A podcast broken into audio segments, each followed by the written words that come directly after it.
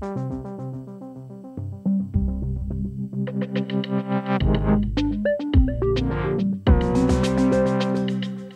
godmorgen og velkommen til Nu Afhængig Morgen. Jeg hedder Maja Tækkeli, og jeg vil gerne starte med at spørge, om der er grundlag for at undersøge Samsam-sagen, nu hvor tidligere topembeds, op, topembedsmænd mener, at Ahmed Samsam straks bør løslades.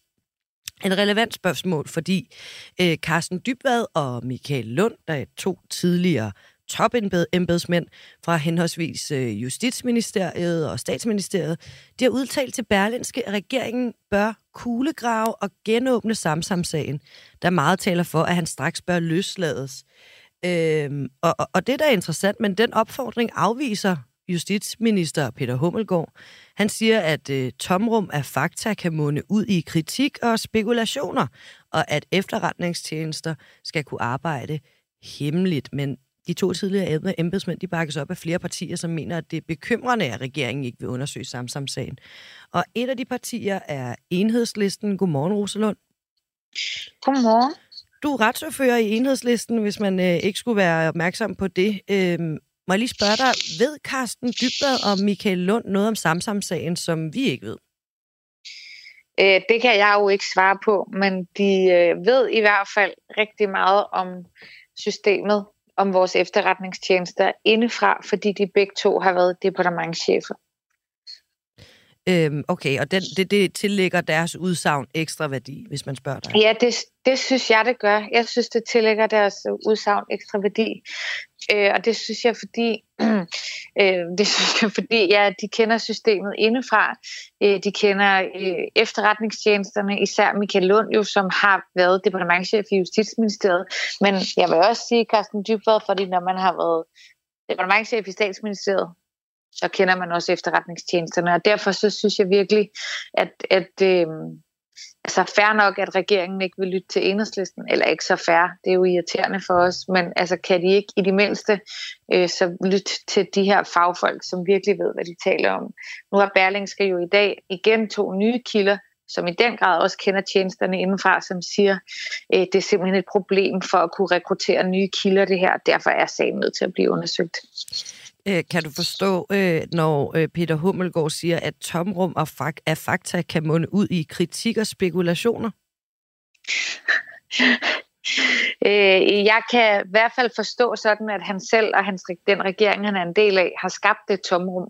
Altså det er jo på en eller anden måde et mærkværdigt citat, fordi det er jo rigtigt nok, der er mange ting, vi ikke ved. Og det er jo regeringens skyld, at der er mange ting, vi ikke ved. Så hvis man gerne vil af med spekulationerne, og det vil vi gerne i enhedslisten, så skal man jo netop undersøge den her sag. Øh, og, og, så det er altså ikke fordi, at du ved mere, end vi andre gør, når du understreger behovet for en undersøgelse? Øh, nej. Okay. Nej, altså jeg ved jo det, som, som man kan læse i pressen, øh, og som øh, som jo har fyldt rigtig meget i medierne det sidste stykke tid, og også mm. gjorde i valgkampen, hvor jeg sådan set også var over at besøge Ahmed Samsam, og jeg er jo ikke hverken efterforsker eller afhører, men, men jeg har øh, siddet og talt med ham, og jeg, jeg synes, at hans, den historie, han fortæller, den bliver bakket op af de, øh, af de historier, der har været fremme i pressen. Ja, for jeg skulle faktisk til at spørge, om, om når du ser på det, er, er Samsam-sagen lige nu andet end udokumenteret påstande? Lige nu så er Samsam-sagen øh, i hvert fald øh, rigtig mange påstande, som hverken er blevet be- eller afkræftet. Og det er jo det, vi har brug for, at de bliver for netop at undgå de her spekulationer. Altså spekulationer om et eventuelt justitsmord er jo gift for et retssamfund. Ja. Og er du stensikker på, at det ikke vil gå ud over princippet om, at efterretningstjenesterne de skulle kunne arbejde i hemmelighed, så hvis man så kuglegraver Samsom-sagen, altså kompromitterer en anden del af vores samfund? Jeg tror, at polit, altså, jeg tror, at man altid skal passe på med at sige, at man er stensikker på noget, men jeg er ret sikker på det. Og hvordan kan det være? Jamen det er jeg, fordi det jo lige nu går ud over efterretningstjenesterne, at, de ikke, altså at regeringen ikke siger noget, at man ikke i gang sætter den her undersøgelse. Det er jo helt logisk, som det også bliver fremhævet i Berlingske i dag, at det er svært for efterretningstjenesterne at væve nye kilder når det man kan se, det er, at hvis man er en, en kilde for PET, jamen så er der en potentiel fare for, at man kommer til at undskylde sproget rådne op i et fængsel i Spanien. Og øhm, hvad, hvad, hvad, hvad regner du med er det næste skridt nu i forsøget på at få undersøgt den her sag? Eller hvad er i hvert fald enhedslistens næste skridt? Jamen det næste skridt er at, øh, at få øh, Grænsningskommissionen til at nedsætte en forundersøgelse af sagen.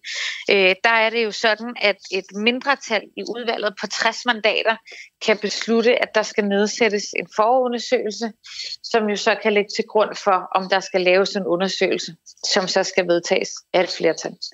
Og, øh, og det går jeg stærkt, det går vi stærkt ud fra, at det flertal, det får vi, når grænsningsudvalget mødes på fredag. Okay.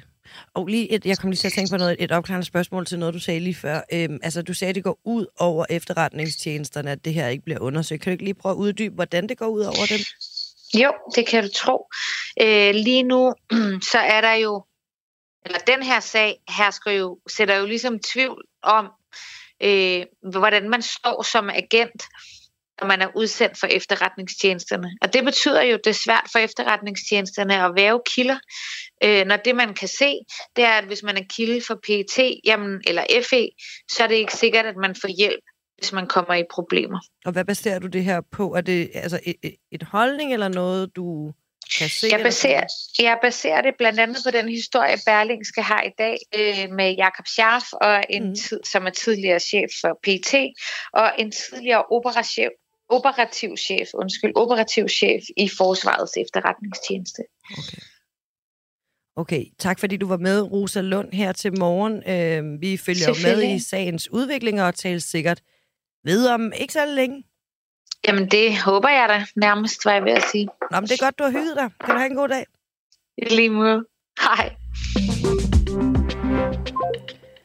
Altså, mens vi lige øh, kommer i gang med dagen, øh, så kan jeg jo fortælle jer lidt om, at øh, det er ikke kun øh, enhedslisten, der øh, bakker, altså lægger pres på regeringen for at få lavet en undersøgelse af Samsam-sagen.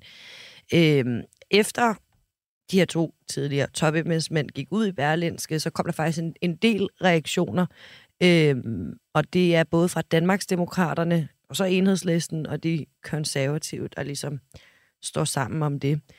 Og øh, det kan man jo tænke lidt over. Man kan også tænke lidt over, at det, vi skal snakke om senere i dag, blandt andet er, at butikskæden Irma lukker, som led i en større øh, omstrukturering af Coops butikker, øh, som faktisk går ud over andre supermarkeders altså, øh, både eksistens, men også brandidentitet.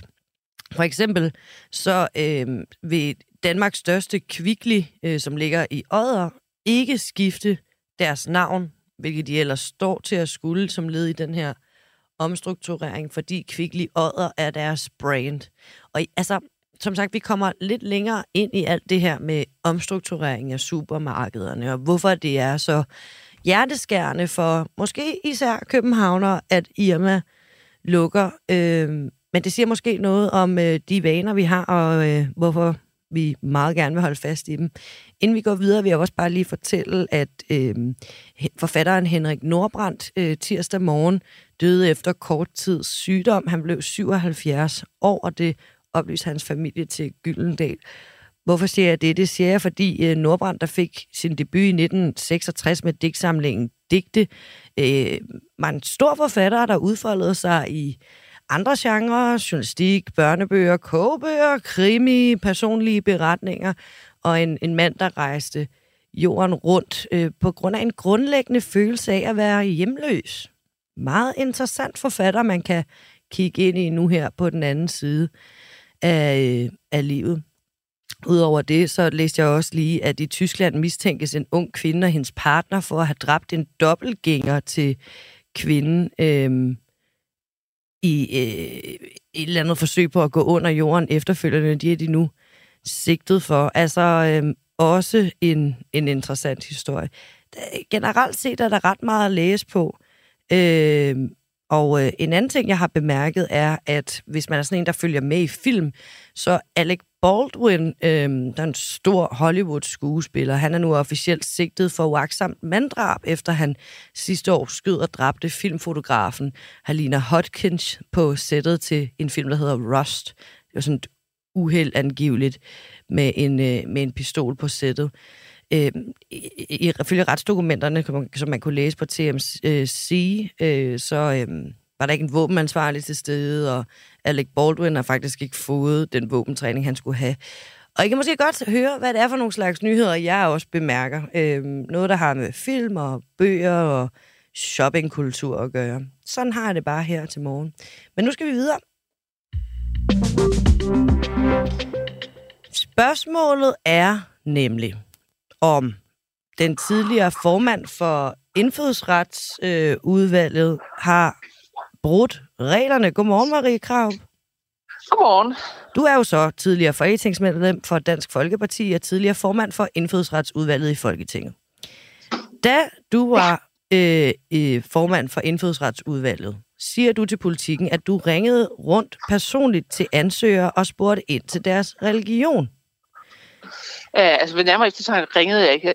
Jeg skrev uh, e-mails til dem, hvis de bad om at tage, min sag, der, tage deres sag op. Uh, så havde jeg nogle spørgsmål til dem, som uh, var nødvendige, før jeg ville tage deres sag op. Altså du har ikke ringet til nogen? Uh, nej, altså de har faktisk ringet til mig. Okay, så du har både talt ja. med nogen og skrevet på e-mail? Ja. Okay. Og hvem, hvem, var, hvem kom, tog du så kontakt til, og hvad spurgte du om? Jamen altså, øh, hvis der var nogen, der ringede til mig, eller skrev til mig, om jeg ville sætte deres sag op, og det er jo det, der sker i indfødsretsudvalget, hvis nogen har fået afslag på at få statsborgerskab, så kan de kontakte medlemmer af udvalget og bede om, at de sætter deres sag op. Mm. Og så var mit svar altid, at jeg skulle vide mange ting, mm. hvis jeg skulle sætte en sag op. I politikken siger jo, at du, jo, at du spurgte ind til deres religion. Hvorfor? Ja, det er et af hovedspørgsmålene. Fordi jeg vil jo selvfølgelig ikke give en eller anden uh, Osama Bin Laden uh, statsborgerskab. Hvad er en Osama Bin Laden? Øh, det er en øh, ortodox øh, muslim. Jeg vil helst undgå at give muslimer. Men på den anden side, og det var jo derfor, jeg kontaktede dem, så kunne man jo også godt være født ind i islam og have brudt med det. Ja. Øh, og okay. derfor synes jeg, at det var rimeligt, at jeg øh, hørte deres sag. Prøv at høre, vores øh, reporter Tobias Broen øh, har øh, talt med seniorforsker Emerita inden for øh, indfødsret og statsborgerskab, Eva Ersbøl for Institut, fra Institut for Menneskerettigheder.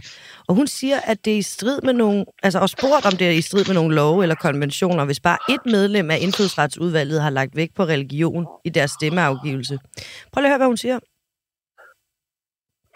Altså, det mener jeg i realiteten, man bliver nødt til at sige ja til. Selvom ministeriet siger noget andet, ikke? De siger, at det er kun, hvis man har givet et afslag med begrundet i religion. Men i det omfang, det kan blive udslagsgivende for afslaget, så vil det jo i realiteten være det samme. Så ja, det mener jeg kan være, må betragtes som konventionsstedet. Nå, Altså, når du så har ringet for at tjekke, om der var en, som du siger, Osama Bin Laden, der gerne vil have statsborgerskab i Danmark, øh, så må man jo næsten gå ud fra, at du lagde vægt på deres religiøse tilhørsforhold i der, dine vurderinger, Marie Krav. Ja, det er klart. Ja. Det er klart. Har, øhm, har du givet af... Der, øh, ja, undskyld. Altså det der, det er jo det rigtige røvl. Det er jo afskaffelse af demokrati, og det er afskaffelse af hver form for frihed. Altså hvis uh, Ivar Ersberg skal sidde inde i hver folketingsmedlems hjerne og sige, hvad de må stemme og hvad de må tænke, altså så er vi jo hen i noget, der er værre end, end uh, nazistaten eller Sovjetunionen. Ikke? Så det er jo det rene røvl. Altså, det er jo tankekontrol. Synes du, det her minder om Sovjetunionen, at man ja, ikke må lægge vægt på folks religion ja. i tildelingen af Det gør det helt klart, fordi vi stemmer jo hver især. Og vi, mm. der er jo altså øh, ud fra vores samvittighed, som der står i grundloven. Og det er et ret godt princip, at man har friheden til selv at bestemme, hvad man vil stemme, og hvad man så tænker. Det er, øh, der er tanker altså tolvfri. Det må man selv om. Mm. Nu har jeg så fortalt, at jeg lægger vægt på, at jeg synes, at Danmark ikke skal være mere islamisk, end det allerede er skal faktisk være mindre islamisk, og jeg mm. derfor lægger vægt på folks religiøse tilhørsforhold, og især når de forklarer mig, hvad det går ud på. Øh, og det er, det er frihed. Det er demokrati. Tror du, Det er at stemme efter sin egen samvittighed. Og afskaffe det, det vil være ganske betænkeligt. Tror du, at det opleves som demokrati, når man som borger bliver ringet op af Marie Krav, der spørger, om man er Osama Bin Laden eller ortodox muslim i forbindelse med, at man vil søge et Det tror jeg ikke, fordi jeg tror ikke, de mennesker, de, de kender til det øh, danske system. Det, det tror jeg ikke, de kender det her med, at man stemmer efter sin samvittighed. Jeg tror ikke, at de kender... Altså, øh, nogen gør, fordi der er jo også nogen, der med det samme ringer og siger, ja, jeg har et navn, der gør, at øh, du sikkert tror, at jeg er en øh, Osama Bin Laden, men øh, det er jeg ikke. Jeg er faktisk født ind i en kristen familie, eller jeg har forladt islam, eller sådan noget.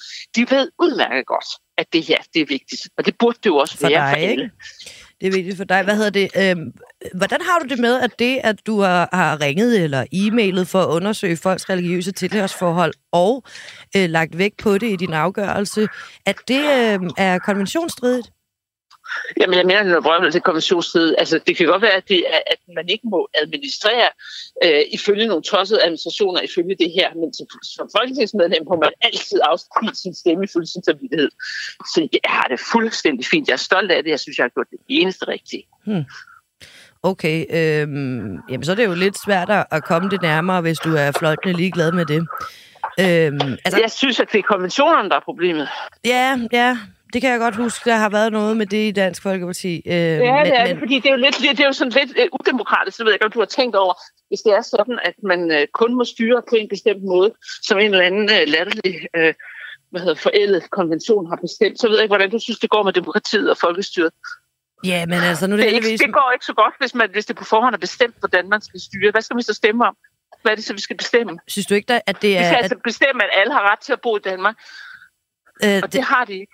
at, vil du sige, at hvis man følger konventionerne, og ikke bryder konventionerne, så er det så ude af kontrol, at alle kommer ind i Danmark? Er det ikke en Nej, stråmand, det vil jeg ikke sige, jeg vil sige, at man, man afskaffer demokratiet, hvis man erstatter demokratiet med konventionerne. Og det er der jo mange, der gerne vil. Okay. Enhedslisten og Radikale Venstre er for eksempel ganske begejstrede for konventioner, for det så kan de få opløst nationalstaten, som jeg tror er deres mål. Men det skal jeg ikke kunne sige. I hvert fald er det en afskaffelse af demokratiet, hvis man siger, at det er på forhånd bestemt præcis, hvordan vi skal gøre i den og den og den sag. Er der andre, Det er retning, ikke er der andre øh, retningslinjer, regler, love øh, og lignende, som du er ligeglad med for, på grund af din overbevisning? Jeg synes, konventionerne er en afskaffelse af demokratiet. Jeg synes, de er en uskik, og jeg synes, de bør ud. Ja, men, men, men, væk. men nu er de der så, og nu har, så har du bare fint nok med... Ja, men de skal at- man så gå efter at fjerne dem selvfølgelig, for at beskytte demokratiet. og i mellemtiden, beskytte så skal man bare øh, ignorere dem. Altså i det her tilfælde, hvor det er fuldstændig lovligt og uproblematisk at gøre det, så skal man selvfølgelig ja. Og så skal man ellers i sit politiske arbejde arbejde for at få dem fjernet. Okay. Og, og, og, og der, altså, så det, du siger, det er, at indtil konventionerne er afstraffet, så bare ignorer dem, bare gør, hvad du vil. Nej, det har jeg ikke sagt. Fordi jeg siger, Det er at det her, det, det er... Det her, det, altså jeg synes, det ville være bedst, hvis man gjorde det, ja. Hvis man besluttede alle sammen at sige, det her, det vil vi ikke, fordi Folketinget står selvfølgelig over konventioner, så man kunne jo bare melde sig ud, ikke? Mm. Så det vil være det bedste. Men så længe de er der, så er det så øh, øh, vanskeligt at gøre det. Men lige på, præcis på det her område, der er det fuldstændig lovligt og fornuftigt, fordi der stemmer du efter din egen samvittighed. Så selvfølgelig skal du gøre det. Du skal gøre det, der er rigtigt. Du skal følge din samvittighed. Og det er ikke rigtigt at følge de konventioner på det her område og tro, at det er omfattet af min stemmeafgivelse, for det ville være en afskaffelse af demokratiet. Hvor mange afslag vil du sige, du har givet borgere, der ønskede statsborgerskab i Danmark på baggrund af deres religiøse tilhørsforhold? Der er overhovedet ikke noget tal på. Der er jo simpelthen Cirka. så mange sager i det. Jamen, det har jeg, det har jeg intet tal på. Er det 10 for eksempel? Er der i hvert fald 10? Nej, nej, der er mange, mange, mange, mange, mange flere. Men altså, det er jo sjældent, det er jo meget sjældent, at jeg har været i den her situation, eller sjældent, altså, det er jo, det er jo ikke, altså, hvor man bliver kontaktet personligt, Mm.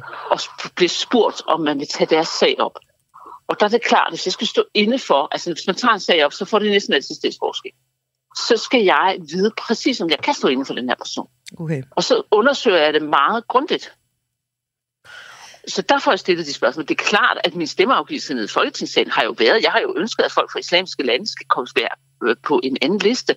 Ja. Altså, jeg synes, at man skal prioritere folk, der er kulturelt tæt på os, og som giver færre kultursammenstødsproblemer. Det ved jeg godt. Og så Jeg skal skal, man jeg skal lige have opklaret Sæt noget. dem længere, de andre skal man ikke give statsborgerskab, eller meget længere ned ad listen. Ikke? Okay. Så det er klart, at det har været en af de vigtigste, altså det har været den vigtigste faktor mm. i min stemmeafgivelse. Okay. Om man var tæt på kulturelt, og det betyder jo tæt på, altså religiøst, ikke? fordi det er jo religion, der betyder, betyder aller, allermest, øh, når vi taler om kultur. Øh, må jeg lige spørge, er det sådan, at øh, så er der ortodoxe muslimer, som du kalder Osama Bin Laden og sådan noget, og så er der, altså, så er der jo ligesom, ligesom der er med kri, øh, kristne i Danmark, så er der ligesom forskellige grader, om man er praktiserende, man er kulturkristen og sådan noget. Det er der jo også som muslim, men er, det, ja, er der ligesom derfor, noget, der er okay? Er der noget, der er okay for dig? Er der en type der muslim, folk, der er okay? Som, folk, der har brudt med islam. Folk, som siger, at de gerne vil gifte sig med en dansker, og de vil opdrage så deres folk, der ikke er muslimer. uden islam. Folk, der har brudt med islam. Altså, du kan jo godt være født ind i islam, og derfor have et islamisk navn, og ringe til mig og spørge, om jeg vil tage deres sag op.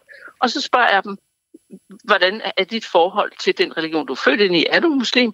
Okay. Og øh, kunne du forestille dig at gifte dig med en dansker, hvis du ikke er gift i forvejen? Hvis du er gift i forvejen, kunne du så forestille dig, at din datter bliver gift med en dansker? Sådan nogle spørgsmål har jeg stillet, og det synes jeg er fuldstændig fornuftigt. Ja, det ved jeg godt, hvis de har svaret, men, og jeg det kan bare... jeg ikke, det kan jeg under ingen omstændighed, så siger jeg, så kan du ikke blive integreret i Danmark, og så er det ikke meget, der skal hjælpe dig. Okay, det, det, det, jeg skal bare, det jeg så kan forstå, det er, at det er ingen muslimer, det er kun folk med øh, islamisk klingende navne, som siger, at de ikke er, er, vil være øh, muslimer længere. Så hvis man bare er, er, er kulturelt øh, muslim, for eksempel øh, deltager i øh, arrangementer med familien, det er heller ikke okay. Altså nu er det sådan, at jeg er blevet bedt, om jeg vil tage sager op, ikke? Og så har jeg stillet den spørgsmål. Hvis Jamen, de så nu stiller sagt, jeg dig et andet spørgsmål. Ja, ja men nu, nu prøver jeg lige at forklare dig, hvordan det er. Okay. Fordi jeg har ikke ønsket at give statsborgerskab til nogen, som vil lade deres islam gå videre til næste generation. Okay. Og hvordan så, har du afgjort det? det? Har jeg, jamen ved at tale med dem. Øh, ved at prøve at forstå, hvordan de forholder sig. Så du har spurgt, hvordan vil ikke, du opdrage dine børn? Okay. Og, det er så, og der har du så været ligeglad med, om det er konventionsstridigt, fordi du mener, at konventionerne skal afskaffes. Ikke? Selvfølgelig er det det, fordi det, der må afgive min stemme frit. Det, det er lige præcis min forpligtelse. Mm. Så det er øh, at gøre sit arbejde ordentligt. Marie Krav, tidligere folketingsmedlem for Dansk Folkeparti og tidligere formand for Indfødsretsudvalget i Folketinget. Tak fordi du var med her til morgen for at opklare det. Selv tak. Ha' en god dag. Øh, I lige med, hej. Nå, hvad sker der egentlig ellers øh, i den store verden, som vi lever i? Det kan vi jo spørge os selv om. Øh, jeg har også prøvet at fortælle lidt mere, øh, lige inden vi går videre. Øh, hvad har jeg egentlig ellers læst? Øh, jo, jeg tror måske, jeg faktisk jeg har fortalt det, jeg synes var, var vigtigst, så måske vi skal prøve at komme lidt videre til det, der har fyldt i hvert fald københavnernes måne her i løbet af i går. På sociale medier, vil jeg mærke. Øhm, jeg overhørte faktisk en samtale i går, da jeg gik øh, rundt ind i byen, hvor at, øh, der var en kvinde, der sagde til sin veninde, mig ud fra, at hun simpelthen ikke kunne forstå, hvorfor folk gik op i, at Irma lukker. At det kun må være københavnere, der går op i det, og som kan bruge tid på at sidde og snakke om det i frokostpausen, hvilket hun havde oplevet på sin arbejdsplads. Glemmer danskerne samfundets perspektiver i tabet af Irma, kan man jo spørge sig selv om. Benny Engelbrecht, er du ude på telefonen? Det er jeg. Godmorgen. Godmorgen. Øh, MF for Socialdemokratiet. Nå.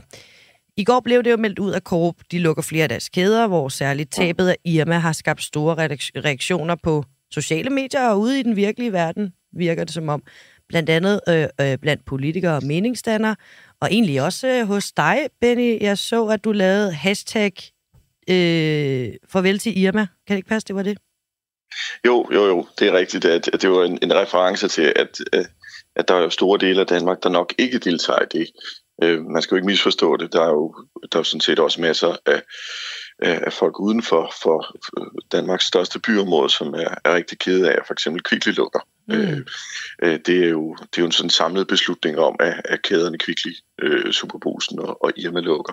Øh, men, men det er også klart, at det, der har fået mest opmærksomhed, er jo så den sidste del, altså af, af Irma-butikkerne mm. i Store København lukker ned. Mm. Jeg bliver nødt til at opklare noget for lytterne, øh, Benny Engelbrecht. Hvorfor er det egentlig, at øh, du har et særligt tilhørsforhold til Irma? Jeg skrev en bog i, øh, i 2009, som hedder Food Fight. Jeg skrev den sammen med øh, Christel Schaldemose, som er øh, europaparlamentariker. Ja. Og en af de ting, vi beskæftigede os med, var netop fænomenet Irma, som dengang jo havde virkelig været med til at ændre øh, danskernes tilgang til økologi.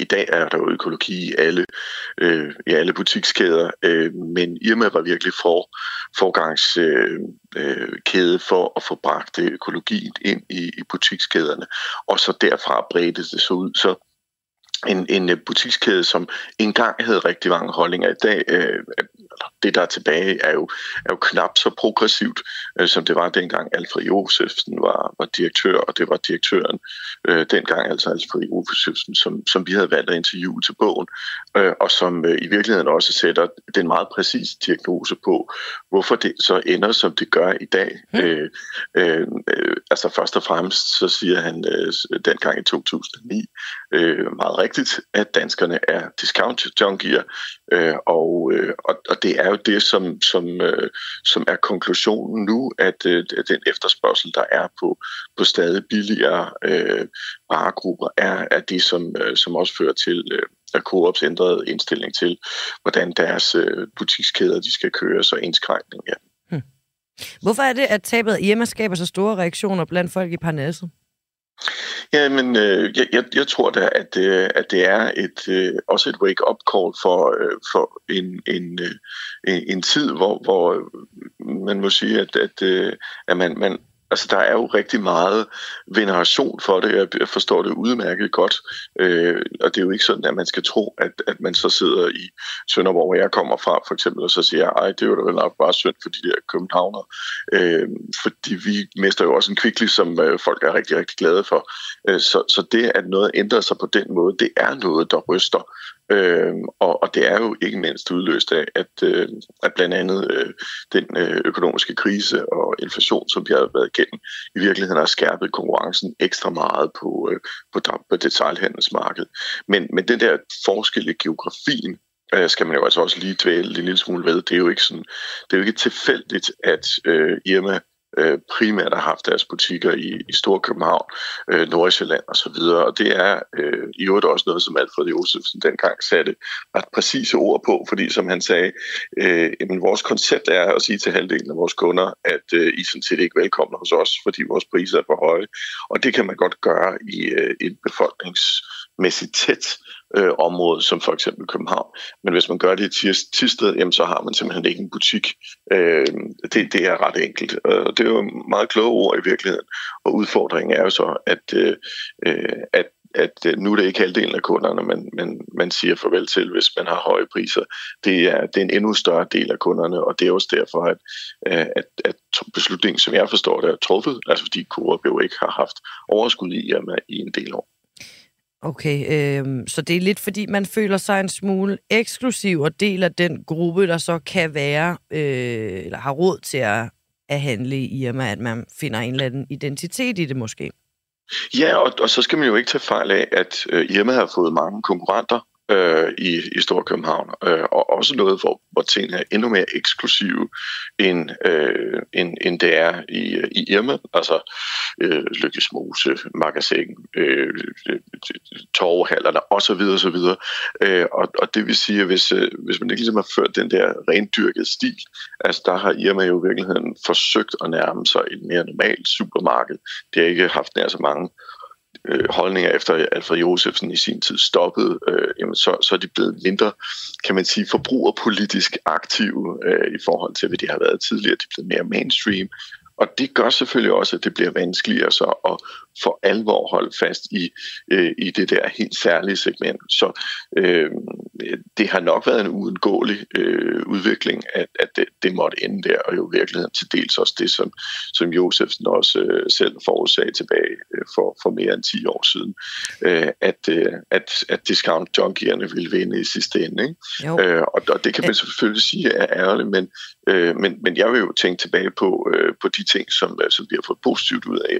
Altså ikke mindst, at økologi nu er en fuldstændig almindelig mainstream ting, og vi kan købe økologi i alle supermarkeder, øh, og øh, at der er købet øh, priskrig på det ganske ofte, fordi igen, danskerne er discount junkier, så derfor det vi gerne, det vi efterspørger, det, det vil der også komme en priskrig på. Benny, to spørgsmål, ikke? Øh, mm. Altså for det første, øh, hvor vigtigt er det her?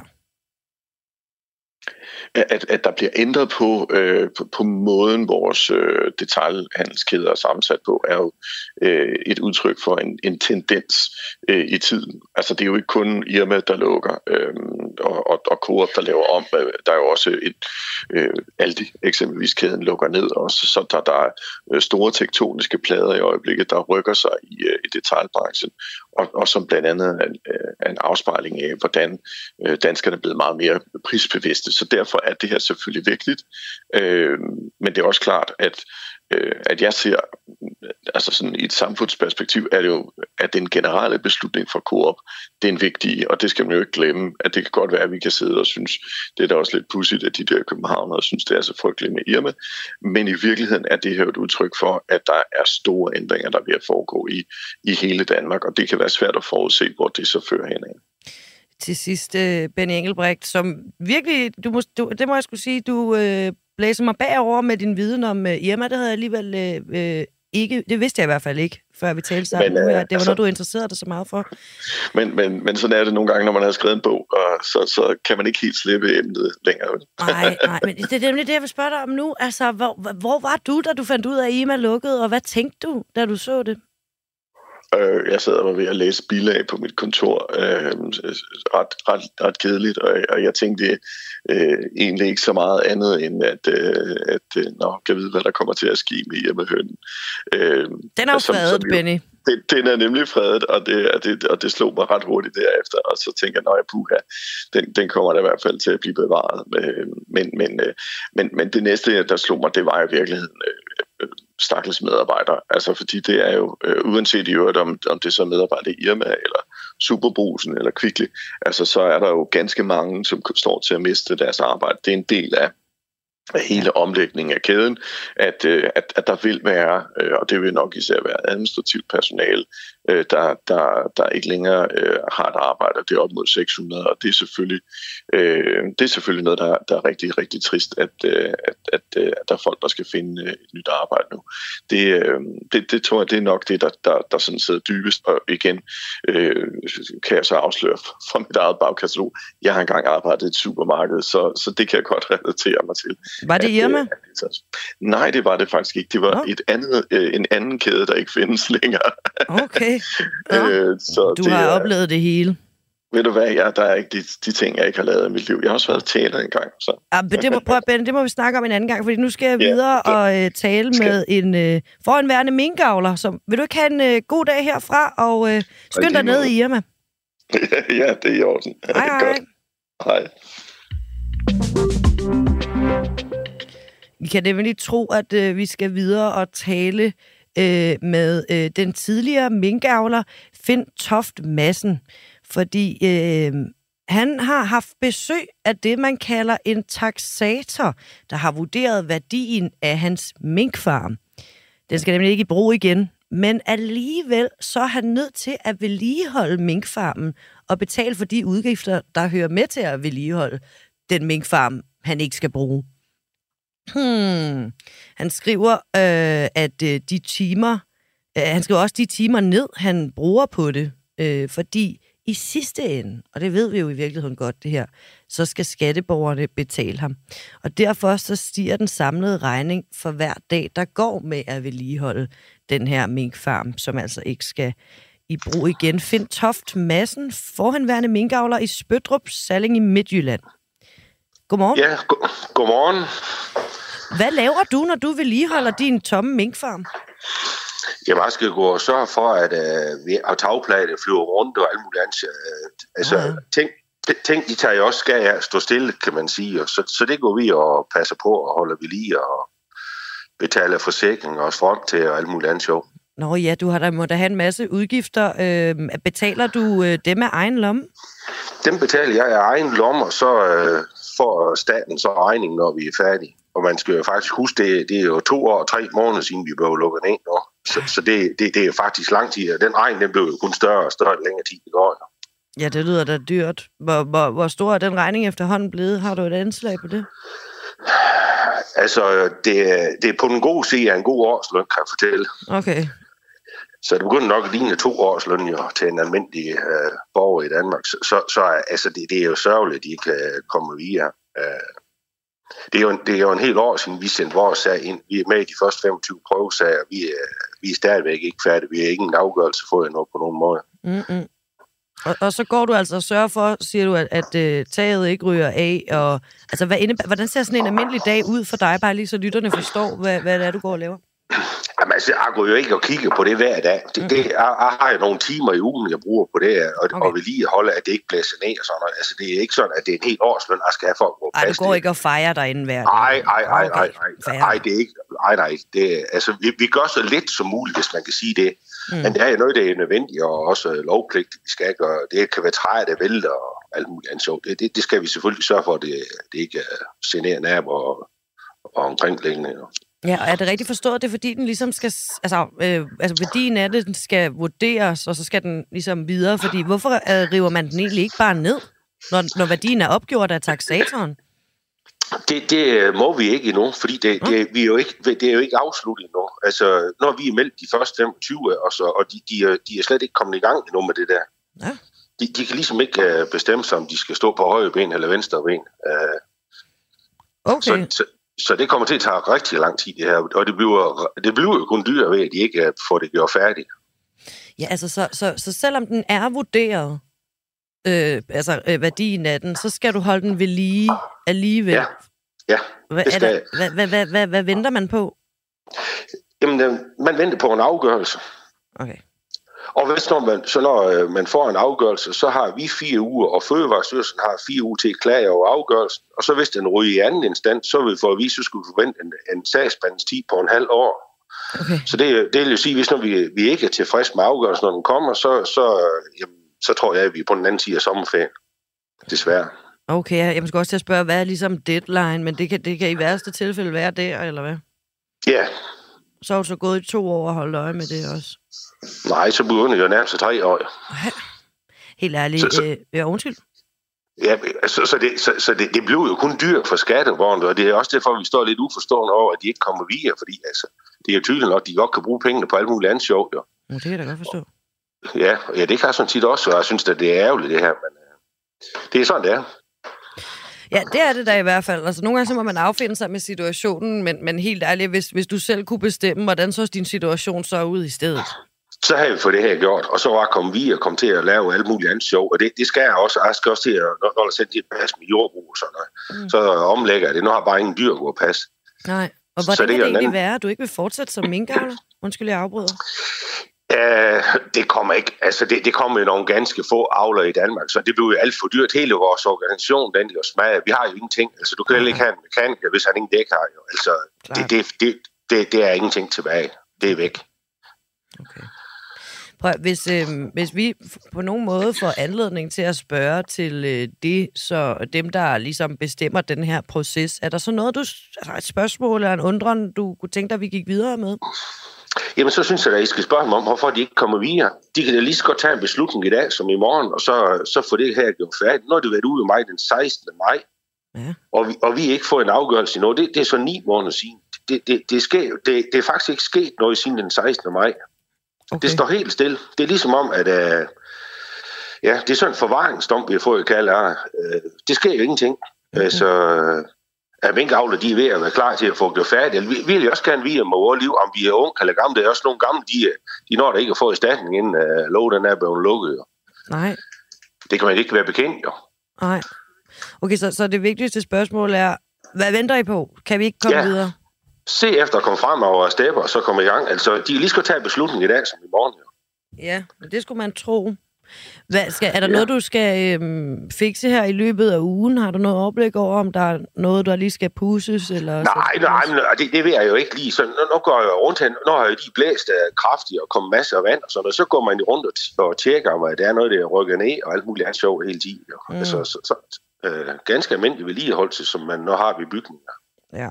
Ja. Man skal huske en farm, som jeg har, jeg har, jeg har cirka 7.000 tagplager på farm. Hold op. Ja, det, så det er jo en ret stor areal, man skal gå og holde øje med, jo. Men uh, ja. sådan er det. Jamen, det lyder som om, du holder humøret højt fedt, men, men prøv at høre, hvis vi får anledning til at spørge, så spørger vi, hvad venter I på? Hvorfor kommer I ja. ikke videre? Det ja, hvorfor kommer I ikke videre? Ja, det synes jeg, I skal spørge dem om. Alright. Fint. Tusind tak, fordi du var med her til morgen, og øh, gør mig og lytterne lidt klogere på din situation. Det kan være, at vi ringer tilbage, hvis vi får et svar. Det kunne være hyggeligt, ja. Hvis I, hvis I kan få en svar ud, jamen, så lader det blive rigtig glad. Ja. Det trænger vi til. Vi skal prøve at så øh, have en, en, en, en god dag herfra, Finn. Tak. Tak i lige måde. Tak. Hej. Ja, hej. Nå, tænk at gå og øh, vedligeholde noget, man ikke er sikker på, øh, hvor længe øh, skal holdes ved lige. Øh, det handler jo kort sagt om, altså bare lige baggrunden for det, at et politisk flertal i, i januar 2021 indgik en aftale om at afsætte de her 19 milliarder cirka kroner for at kompensere minkavlere og andre erhverv, der blev direkte berørt af nedlukningen. Ikke? Og øh, indtil videre, så har Fødevarestyrelsen udbetalt lidt over 6,7 øh, milliarder til minkavlerne. Hvis jeg sagde millioner før, så mente jeg milliarder. Øhm, men man forventer først, at alle erstatninger er betalt i 2027. Der er jo alligevel et stykke tid til. Vi har tidligere her i en uh, uafhængig morgen, det var dog før min tid, uh, interviewet minkavlere, der vedligeholdt deres tomme minkfarm, fordi de ventede på en taxator. Og nu her, så har taxatoren altså været der, og arbejdet fortsætter. Det må jeg nok sige. Øh, lad os se, om vi ikke øh, kommer videre i den historie. Det virker i hvert fald til, at den fortsætter. Nå, hvad, hvad vil russerne med Bakhmut? Er mit næste spørgsmål. Rusland er nemlig i færd med at jævne Bakhmut med jorden og gøre den til en total ruin. Øh, det skriver Pavlo Køvlenko, guvernør for Donetsk-regionen på mediet Telegram ifølge Berlinske. Siden august har Rusland ført en intens offensiv mod den her østukrainske by, men Jakob Korsbo, senioranalytiker i Tænketanken Europa, er Bakhmut faldet? Uha, det, det er der ikke sikre oplysninger om. Øh, jeg tror det næppe, men, øh, men, men, men det, det er muligt. Altså, det kan godt være, at øh, ukrainerne simpelthen har opgivet at, at holde stand og, og tænkt, jamen, øh, der er ingen grund til at, at miste øh, så mange øh, soldater på at, at be, bekæmpe eller kæmpe videre i en ruinhob. Øh, så, så det er muligt, at den er faldet. Okay. Hvad er Ruslands intentioner med den her by? Kan du sige noget om det? De er først og fremmest øh, symbolske. Øh, det, det er egentlig øh, det er ikke en by, som hvad kan man sige, giver adgang til, til noget andet vigtigt, de kan erobre og, og danner ligesom en åben vej, hvor de kan øh, drage videre mod Sloviansk eller Kramatorsk, de her to større byer. Det er det ikke, i, siger du? Det er det ikke, nej. Ja. Øh, okay. så, og, og, og hvad kan man sige, vi ved, at ukrainerne har øh, forsvarslinjer i, i terrænet øh, bagved, så, så det er egentlig ikke umiddelbart noget, der ændrer så meget, og det er også derfor, jeg siger, at det er meget muligt, at ukrainerne har trukket sig øh, tilbage. Øh, det, det kan jeg ikke sige med sikkerhed, men, øh, men altså for dem er det jo altid en kalkyle af, hvor, hvor vigtigt er det for os at holde fast på det her, hvor mange øh, øh, tab kan vi tilføre russerne, ved at, ved at blive stående her, eller, eller vil en taktisk tilbagetrækning være en, en fordel. Ikke? Øh, det, det er sådan noget, øh, vi ved, ukrainerne de sidder og, og kalkulerer ud fra. Hmm. Øhm, så ja. Men altså, hvis det ikke sådan helt konkret spiller en strategisk rolle i forhold til krigsførelsen, hvis man kan sige det sådan, men en symbolsk rolle, altså hvad, hvad, hvad er strategien så med at indtage? Jamen, jamen, der er ikke nogen sådan større strategi, end at øh, når Putin beder den øverste befalende om at skabe fremdrift i, i Donetsk-provinsen, øh, øh, så, så skal der skabes fremdrift, og så skal, så skal den øverste befalende vise en eller anden form for erobring, og, og, og man kan sige, at en af grundene til, at den tidligere øverste befalende øh, han blev, øh, han blev Sudovikin, som øh, lytterne måske kan huske, at han blev sat fra bestillingen her før jul.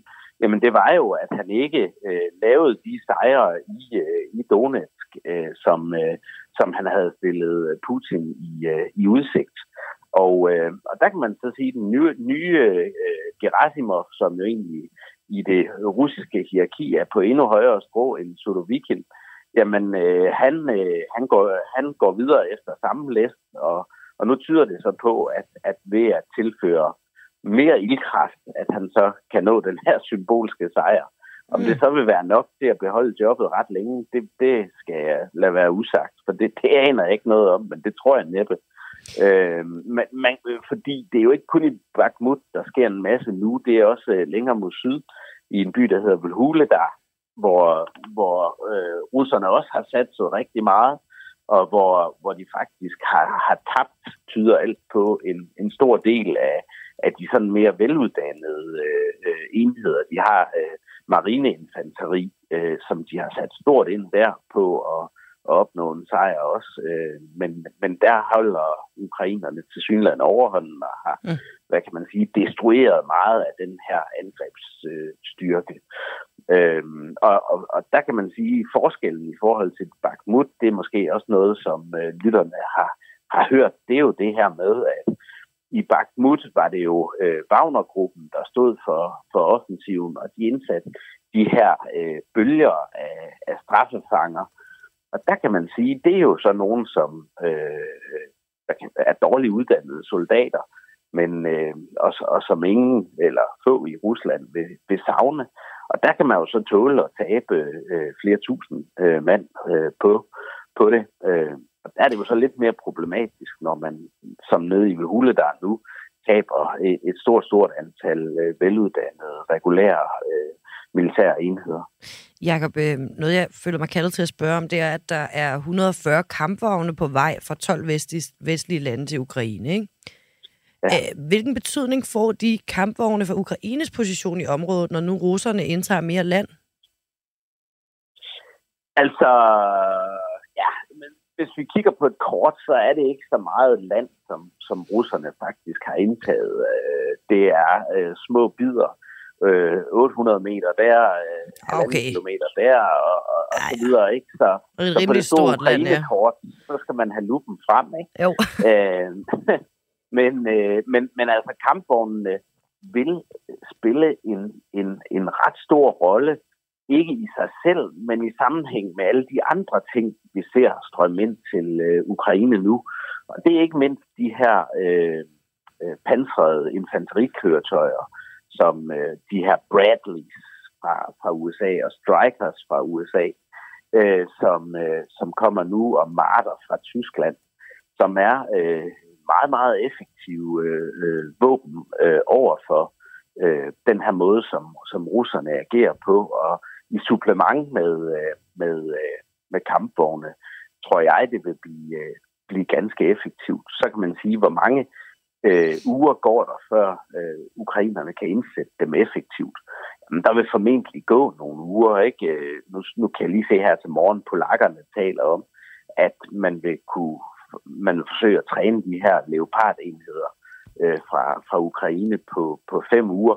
Og det er altså, det er altså, det, det er hurtigt øh, efter, efter øh, den øh, normale målestok, som man bruger i Vesten. Men det er simpelthen et spørgsmål om at få dem i kamp øh, hurtigt og, øh, og få slået de her angreb tilbage og få destrueret så meget af, af, af de her angrebsbølger, som, øh, som øh, russerne øh, sætter ind. Øhm, så, så, så jeg vil tro, altså, det, det, det er meget med at, at få kombinationen af de her forskellige kapaciteter, som, som kommer ind nu, og, og ikke blot øh, øh, kampvognen. Der kommer jo også, og det, det er der jo mange, der, der ikke taler om øh, mere, men, men de her franske lette kampvogne, som, øh, som jo egentlig var, var den donation, der startede hele det her kampvognscirkus, eller den her kampvognsdiskussion. Det var franskmændene, der, der sagde, at nu vil de levere de her MX-10 øh, lette kampvogne, øh, og det var den 4. januar, det skete. Og okay. det, det er ligesom sat gang i sådan en bølge øh, af, af, af nye og, og kraftigere våben, øh, våbenforsyninger. Og vi ved ikke, at det er ikke oplyst for mange af de her, som, som franskmændene vil levere. Men de tal, jeg har, det, det taler om, at jamen, de har jo øh, de er i gang med at udfase AMX-10 fra, fra, fra deres øh, væbnede styrker i Frankrig. Øh, og de har jo øh, vel over 200 så, så, så det, det kan godt være øh, også som supplement til de andre ting øh, mm. noget, noget effektivt øh, i det. Tusind tak for en øh, grundig og informativ update. Jakob Korsbo, senior analytiker i Tænketanken Europa. Øh, vi snakkes jo nok ved igen snart. Ja, må det ikke. Må det. Ha' en god dag. I lige måde. Hej hej. Hej. Nå, videre til noget, som måske gør nogen meget glade nu, og nogle andre meget forarvet. Jeg tror, at det er et spørgsmål, øh, altså, der måske kan dele vandet en lille smule. Øh, spørgsmålet vi stiller her nu er nemlig, kan man med et trylleslag afkriminalisere stofbrugere? Og grunden til, at jeg spørger om det, det er fordi i øh, et flertal i Københavns borgerrepræsentation, de vil afkriminalisere hårde stoffer, som er til eget forbrug. Og det er nu, jeg tænkte, der var nogen, der blev glade, og nogen, der blev sure. Nå, men forslaget er stillet af de radikale, og hvis flertallet får sin vilje, så skal København være en forsøgsby for den her ordring. Velkommen i studiet, Katrine Kildegård, social- og sundhedsordfører på Rådhuset i København for de radikale. Mange tak. Hvor, ej, hvilke stoffer drejer det her så egentlig om? Jamen altså, jeg har ikke lavet en, øh, en udtømmende liste, men det, det drejer sig om hårde stoffer, heroin, kokain, amfetamin, Altså, ja, jeg kunne, jeg kunne blive ved. Vi skal jo selvfølgelig lave den her... Jeg håber jo meget, at vi får lov af regeringen, at de siger ja. Og så skal vi jo kigge på præcis, hvilke stoffer er det, og hvilke grænseværdier skal der ligesom ligge, ja. for hvornår det er til eget forbrug. Ja, for det var mit det andet er. spørgsmål. Altså, i Kanada tror jeg, det er to et halvt gram, der er til eget forbrug? Det kommer an på, hvilket stof det er, som Nå, jeg okay. har set. I hvert fald, at, og det er jo for, sikkert også, for, apropos det der, det er forskellige modeller. Portugal, der er det vist 1 gram heroin, 2 gram kokain, der er jo forskellige øh, styrke og sådan noget. Nu er vi også ude et sted, hvor, jeg, hvor mit kendskab til stoffer måske ikke lige... Det kan du nå at undersøge. Ja, ja. Øhm, du siger, at øh, det, det handler om et paradigmeskift, at man bør opfatte stofbrugerne som nogen, der skal have tilbud om hjælp og som ikke er kriminelle, og det er ligesom det, der er intentionen. Er det ikke rigtigt forstået? Lige præcis. Det er det, der er det allervigtigste i det her, at vi, at vi ligesom stopper det her stigma, der er omkring, øh, omkring at, at bruge stoffer. Vi har haft en benhård forbudspolitik øh, siden 2004, og det vi bare kan se, det er, at der er kommet flere stoffer ind i vores samfund, og der er flere, der bruger dem. Så vi er simpelthen nødt til at kigge på, Hvordan er det, at vi sikrer stofbrugerne et bedre liv? Hvordan er det, at vi sikrer, at, at færre dør af at bruge stoffer? Lige nu har vi faktisk rigtig mange overdosisdødsfald i, i Danmark. Mm. Og det er, det er faktisk lidt et mysterie for mig, hvorfor vi ikke har snakket mere om, at vi i et land som Danmark ikke har formået at, ligesom, at stoppe den her, den her overdødelighed. Mm. Skal det egentlig stadig være... Det er noget, jeg ikke forstår her. Det er, det, vi skal afkriminalisere øh, øh, at have øh, hårde stoffer til eget forbrug. Mm. Men skal det stadig være lovligt at sælge og købe stoffer? Eller Nej. skal det så ikke stadig? Skal det være lovligt at sælge og købe stoffer? Nej, det er jo det, der er forskellen på sådan afkriminalisering og legalisering. Det er, at under en afkriminalisering, så er det stadig øh, ulovligt at, at sælge stoffer til folk og fremstille stoffer. Så de, dem vil politiet også, også stadig gå ud og gå efter, og du vil også stadig tjekke, om, om folk har stoffer på sig. Det, der er den afgørende forskel, det er, at i stedet for, at der vanker en, en bøde eller 10 dage ind og sidde, men så vil du komme ind og, og få en, en, en samtale med nogle øh, fagpersoner. Det kunne være en psykiater, en, en advokat, en socialarbejder. Det er det, de gør i Portugal. Øhm, og så vil man ligesom se på, jamen, hvad er dit forbrug af stoffer? Hvad kunne vi gøre for at hjælpe dig? Er der noget, der ligger til grund for, at, at du tager stoffer? Mm. Rigtig mange stofbrugere øh, selvmedicinerer, fordi de simpelthen ikke har fået, fået hjælp af det psykiatriske system. det kunne også være noget, man, man kiggede på. Så man kommer ind til sådan en form for ej, det er måske forkert at sige, men en kammeratlig samtale, hvis det er, at man har, øh, bliver, bliver taget med mm. stoffer til eget forbrug på sig. Det, det er jo selvfølgelig for det første lidt ressourcekrævende, det kan vi lige snakke om bagefter, men jeg vil lige spørge, hvis det er øh, fint at have, eller i hvert fald, du får ikke en bøde eller kommer i detentionen, hvis du har stoffer på dig til eget forbrug, men det er altså stadig ulovligt at være i en salgssituation. Mm. Hvor langt skal man så væk fra den hvide Mercedes, for at øh, det ikke er en salgssituation, øh, og man bare har to gram coke yeah. i lommen? Altså, det, det er jo en meget godt sådan, gråzone spørgsmål, hvor, hvor, og hvornår. Jeg ved heller ikke præcis, hvor mange direkte salgs... Øh, øh, situationer, politiet er involveret i. For langt de fleste tilfælde af det, vi ser, så er det jo, når stofferne er, er købt og, og på. Så når man har afleveret pengene, for eksempel? Det kunne man godt sige. Altså, det, det, så er du fri. Det ved jeg ikke. Altså, det, det er sådan en lidt det gråzone, men det er jo sådan, samtidig kan man også sige, at lige nu er det også lidt sjovt, at vi har en situation, vi har jo stofindtagelsesrum i, i København.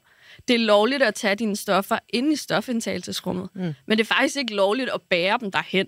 Hvilket jo også er sådan et, altså det er jo ja. også en, en mærkelig øh, situation, og, og, og måske også et, et meget godt eksempel på, hvorfor vi, at det kan også virke skørt, at vi har indrettet os på den måde. Ja. Okay, det er en gråzone, fordi man mm. kan jo spørge, hvis man er i gang med, nu er det bare et tænkt eksempel, at få, øh, øh, der, der har været mange historier om sådan nogen, der kommer kørende i biler mm. med hårde stoffer hjem til, øh, til dig med et eller andet skørt i lommen, altså i den kommunikation øh, og aftale om salget eller nede mm. på et gadehjørne, der er man måske i gang med noget, der ikke er helt lovligt, øh, men så snart siger vi nu i det her tænkte situation, mm. pengene, transaktionen er overført, så skal du faktisk bare have en øh, samtale med nogen fra mm. systemet om, hvorfor du har lavet det her køb. Ja, og det er jo, det er jo ja, præcis, og det er jo... Det, er det, kan du se, det er en lille smule, det jamen, er lidt mærkeligt. På en måde kan jeg, altså jeg kan godt følge din argumentation, men det er bare sådan, jeg er meget optaget af, hvordan vi løser det her problem. Altså, ja. hvordan vi finder ud af, hvorfor folk bruger stoffer, og også øh, for færre, der bruger dem, men og, og især færre, der, der dør af at bruge dem. Og, og det tror jeg ikke, det, det kommer du aldrig i nærheden af, hvis du frygter, at, at, at du ser systemet som nogen, der, der kommer og giver dig bøder, og, eller, eller kommer og, og sætter dig ind og sidde, i stedet for faktisk at være optaget af, hvilke problemer du går og bokser med. Jeg er lidt af den opfattelse, jeg tror, at vi alle sammen kunne være drevet til at, at bruge stoffer, hvis det var, at, at vi blev rigtig syge, eller ramte en krise i vores liv, og ikke, overhovedet ikke fik noget hjælp. Og det er jo derfor, det er lidt fjollet, at vi så ser dem som kriminelle og behandler mm. dem som kriminelle frem for nogen, der kunne have, have brug for, for hjælp. Mm. Øh, og, og jeg ser det der i, i høj grad som, som et, et, et form for symptom på, hvem vi svigter som samfund. Rigtig mange af de her mennesker er, er udsatte mennesker, som, som måske ikke lige har fået øh, en, en fod indenfor i livet, ligesom os andre. Mm. Så er der jo alle de andre, der bare godt kan lide at gå i byen og tage noget speed, for eksempel. Yeah. Dem er der også. De bliver da vildt glade for, at de, de må have det i lommen. Det kan godt være, at de bliver rigtig glade. Hvordan skal man bevise, at det, man har i lommen, er til eget forbrug? Jamen, det er skal man sige, at jeg, skal, jeg er på vej på Søpavillonen, eller hvad fanden? Nej, det, det, er nok, det er ikke lige sådan. Den er ikke nok, den forklaring. Der, okay. der er vi simpelthen nødt til at sætte nogle grænseværdier, netop som vi snakkede om før, at jamen, hvis du er over x antal gram på det her stof, jamen, så vurderer vi, at selvom du siger, at du er på vej på Søpavillonen, så, så er det stadig for meget. Okay. Øhm, og, og der er man jo nødt til at have øh, klare linjer, så alle bliver behandlet ens. Ikke? Okay. Øhm, noget, jeg tænker på... Øh altså, jeg stiller jo bare det kritiske spørgsmål, mm. ikke? og du siger, at man skal lade være med at betragte borgerne som nogen, der... Øh, altså, de, den her gruppe mennesker, du taler om, som er udsatte og derfor ender i, i stofmisbrug. Ikke? Men, men når det er, at man, man øh, afkriminaliserer, øh, giver man dem som egentlig ikke mere spillerum, altså en ro i deres, øh, øh, det at gå rundt med narkotika, og det at så ikke lige sælge, men sidde med narkotika, som kan fremme et misbrug? Altså, hvad baserer man de her tanker på? Jamen, altså, jeg baserer mig i høj grad de her tanker på, hvad man har set virke, for eksempel i, i Portugal, fordi det er bare det gode eksempel, hvor at at du, altså rigtig mange, de går med den her frygt. Øh, det taler jo enormt meget til maven med det her med, åh, skal vi ikke bare gøre det forbudt, så stopper folk nok med at gøre det. Mm. Og, og det tror jeg bare ikke rigtigt på.